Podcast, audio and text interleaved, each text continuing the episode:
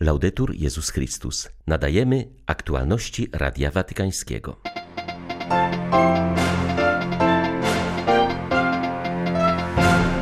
To my mamy nawracać się do Boga, a nie nawracać Boga na nasze plany. Pokora jest postawą, z której rodzi się właściwa prośba o to, co jest lepsze dla naszego duchowego dobra, powiedział papież podczas audiencji ogólnej. Franciszek ucałował dzisiaj rękę z numerem obozowym byłej więźniarki Auschwitz-Birkenau, która trafiła tam jako kilkuletnie dziecko. Ukazało się 26. watykańskie przesłanie skierowane do buddystów z okazji dorocznego święta Wesak. 26 maja witają Państwa Krzysztof Bronk i ksiądz Krzysztof Ołdakowski. Zapraszamy na serwis informacyjny. Dlaczego Bóg, który jest Ojcem, czasami nas nie wysłuchuje? Dlaczego On, który zapewnił, że udzieli dobrych rzeczy dzieciom, nie odpowiada na nasze prośby? To pytanie postawił papież podczas dzisiejszej audiencji ogólnej. Franciszek podjął temat modlitwy niewysłuchanej, kiedy to, o co prosimy, nie zostaje spełnione. Niektórzy w poczuciu rozczarowania w ogóle przestają się wtedy modlić. Kiedy modlimy się z nastawieniem, że Bóg musi spełnić nasze oczekiwania, pojawia się niebezpieczeństwo, że to nie my będziemy służyli Jemu, ale On ma służyć nam. Ojciec Święty stwierdził, że takie nastawienie oznaczałoby, że Bóg musi realizować scenariusz, który mu narzucamy. Natomiast Jezus poucza nas poprzez modlitwę Ojcze Nasz, która jest złożona z próśb, aby została zrealizowana nie nasza, lecz Jego wola. Kiedy się modlimy, powinniśmy być pokorni. To jest pierwsza postawa odpowiednia dla modlitwy, aby nasze słowa były rzeczywiście modlitwą, a nie pustosłowiem, które Bóg odrzuca.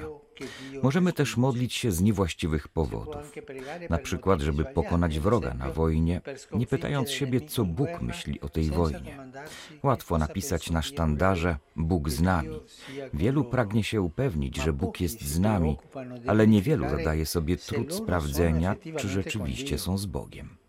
W modlitwie to Bóg musi nas nawrócić, a nie my Boga. To jest właśnie pokora. Idę się modlić, ale Ty, Panie, nawróć moje serce, aby prosiło o to, co jest właściwe, prosiło o to, co będzie lepsze dla mojego zdrowia duchowego.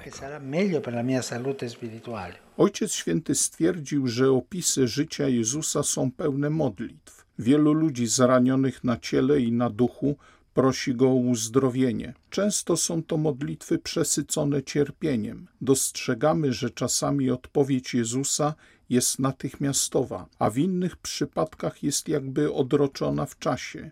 Niekiedy wydaje się, że Jezus opóźnia się i zwleka.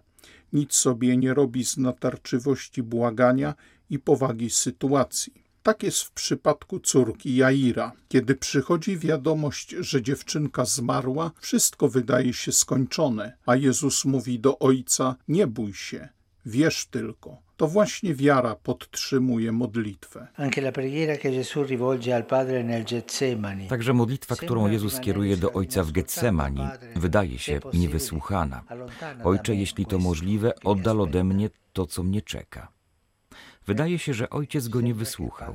Syn będzie musiał wypić kielich męki do końca. Ale Wielka Sobota nie jest ostatnim rozdziałem, ponieważ trzeciego dnia, czyli w niedzielę, następuje zmartwychwstanie. Zło jest Panem przedostatniego dnia. Pamiętajcie o tym. Zło nigdy nie jest Panem ostatniego dnia. Nie. Przedostatniego. Momentu, w którym noc jest najciemniejsza właśnie przed jutrzenką. Właśnie wtedy, przedostatniego dnia, pojawia się pokusa. Zło próbuje nas przekonać, że zwyciężyło. Czy widziałeś? Ja zwyciężyłem. Zło jest Panem przedostatniego dnia. Ostatniego dnia następuje zmartwychwstanie. Ale zło nigdy nie jest Panem ostatniego dnia. Bóg jest Panem ostatniego dnia, ponieważ ten dzień należy tylko do Boga i jest to dzień, w którym spełni się wszelkie ludzkie pragnienie zbawienia.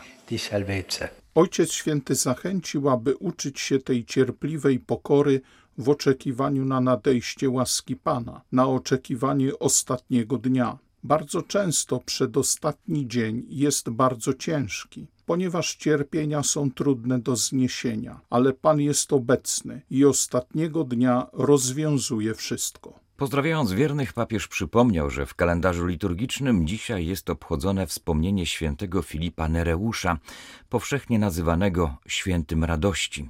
Franciszek życzył, aby kojąca radość, dar Pana, towarzyszyła i ubogacała drogę każdego. Ojciec Święty wezwał wszystkich do pielęgnowania modlitwy, ponieważ jedynie dzięki niej rozwijamy wiarę, w świetle której wiele rzeczy można zrozumieć oraz przyjąć. Pozdrawiam serdecznie wszystkich Polaków. W przeżywanym obecnie miesiącu maju, w którym czcimy Najświętszą Dziewicę Maryję, polecam jej stawiennictwu wszystkie matki, szczególnie te, które spodziewają się narodzin dziecka. Niech Boża Rodzicielka otacza swoją czułą opieką wszystkie kobiety, i wyprasza dla nich u swego Syna potrzebne łaski oraz błogosławieństwo w życiu rodzinnym, macierzyńskim oraz zawodowym. Serca Wam błogosławię. Wśród wiernych, którzy uczestniczyli w dzisiejszej audiencji ogólnej była m.in. Lidia Maksymowicz, jedna z ostatnich żyjących jeszcze więźniarek niemieckiego obozu zagłady Auschwitz-Birkenau. Trafiła tam jako trzyletnie dziecko i była przedmiotem okrutnych eksperymentów doktora Józefa Mengele. W obozie straciła dziadków. Utraciła też kontakt z matką, która odnalazła ją dopiero 17 lat po wojnie. Papież nic mi nie powiedział, ale jego spojrzenie i pocałunek, który złożył na moim obozowym numerze, mówią więcej niż słowa, wyznała Radiu Watykańskiemu Lidia Maksymowicz. Jestem jednym z ostatnich już żyjących więźniów Auschwitz-Birkenau, a byłam wtedy małym dzieckiem. Dlatego właśnie z okazji Dnia Matki jest to takie ważne i dla mnie wydarzenie, i dla wielu, wielu milionów ludzi, ponieważ ja utraciłam matkę właśnie tam w Auschwitz i odzyskałam ją aż po 17 latach. Dzisiaj doznałam właśnie bardzo wspaniałego i bardzo wzruszającego momentu, kiedy papież zbliżył się do mnie. Ja odsłoniłam rękaw i pokazałam mu ten numer. Papież po prostu na chwilę, jak gdyby zatrzymał się nad tym, wziął tą moją rękę i ten numer pocałował. Ja po prostu o nie miałam z wrażenia. Przytulił mnie do siebie, czuję to i jakbym doznała jakiejś takiej ogromnej energii. Już byłam taka zmęczona, a w tej chwili wydaje mi się, że mogłabym cały świat wziąć w swoje ramiona i uścisnąć. Tragiczna sytuacja w świecie naznaczona pandemią COVID-19 jest wyzwaniem dla wyznawców wszystkich religii aby na nowo podjąć współpracę w służbie ludzkości. Czytamy w dorocznym watykańskim przesłaniu do buddystów z okazji święta Wesak. Cierpienie spowodowane przez pandemię uświadomiło nam, czytamy w watykańskim przesłaniu, jak bardzo jesteśmy narażeni na zagrożenia i jak bardzo jesteśmy od siebie zależni. Jesteśmy wezwani do odkrywania i praktykowania solidarności zawartej w naszych tradycjach religijnych. Papieska dykasteria odwołuje się do buddyjskiego nauczania o solidarności oraz o aktywnej opiece. Lekarze są zachęcani, aby śpieszyli się z czynieniem dobrych uczynków, powstrzymując się od zła. Składając świąteczne życzenia wszystkim buddystom, Watykan wyraża nadzieję, że dramatyczna sytuacja spowodowana przez pandemię umocni wzajemne więzy przyjaźni i jeszcze bardziej zjednoczy chrześcijan i buddystów w służbie rodzinie ludzkiej. W wieku 86 lat zmarł patriarcha katolickiego kościoła ormiańskiego Grzegorz Piotr XX. Do kościoła tego obrządku należy przede wszystkim ormiańska diaspora. Szacuje się, że liczy on niespełna 600 tysięcy wiernych. Zmarły patriarcha stał na czele tej wspólnoty od 2015 roku. Urodził się w 1934 roku w Aleppo w Syrii. Do kapłaństwa przygotowywał się w papieskim kolegium ormiańskim w Rzymie. W latach 1976-2015 był ormiańskim biskupem w Paryżu. Wybrany przez synod swego kościoła nowym patriarchą, przyjechał do Rzymu by na znak jedności z papieżem wspólnie koncelebrować z nim Eucharystię.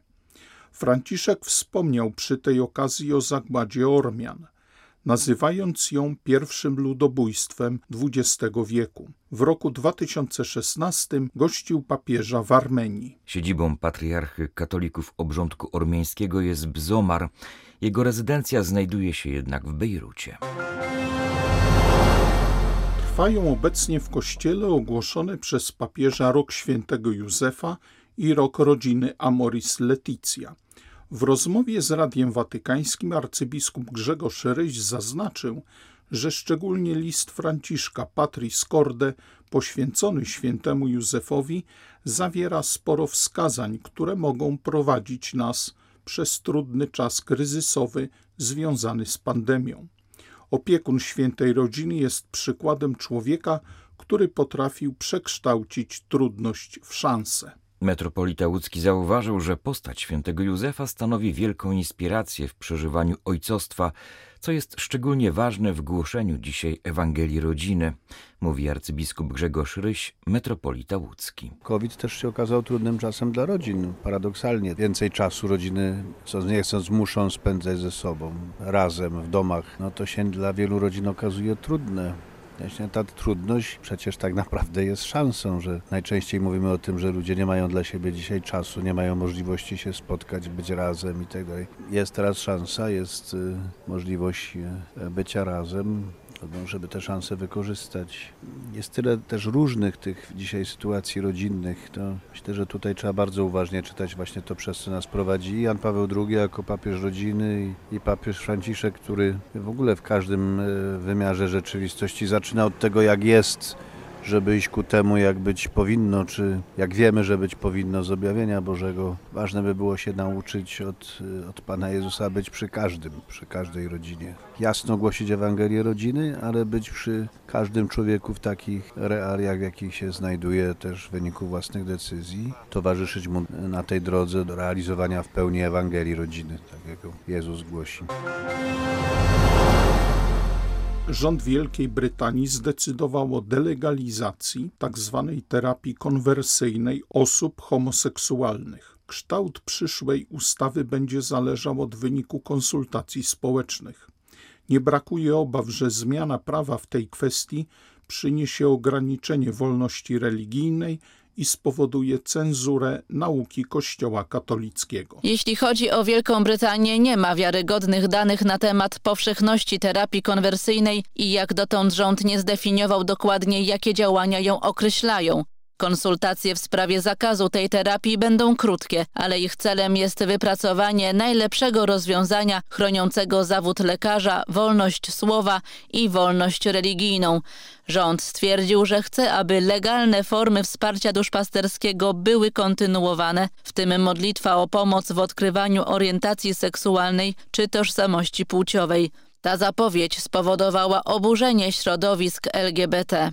Organizacje zrzeszające chrześcijan apelują o mobilizację i wzięcie udziału w konsultacjach, aby zapobiec sytuacji, w której dana osoba może zostać oskarżona o prowadzenie terapii konwersyjnej, ponieważ modli się za kogoś, kto poprosił o taką modlitwę, albo łamie prawo, nawołując do czystości podczas nauk przedmałżeńskich. W związku z coraz powszechniejszym wzrostem wpływów lobby LGBT w Wielkiej Brytanii, coraz głośniej wybrzmiewa obawa o prawną możliwość zakwestionowania legalności nauczania Kościoła katolickiego. Dla Radia Watykańskiego Elżbieta Sobolewska-Farbotko, Radio Bobola, Londyn. Były to aktualności Radia Watykańskiego. Laudetur Jezus Chrystus.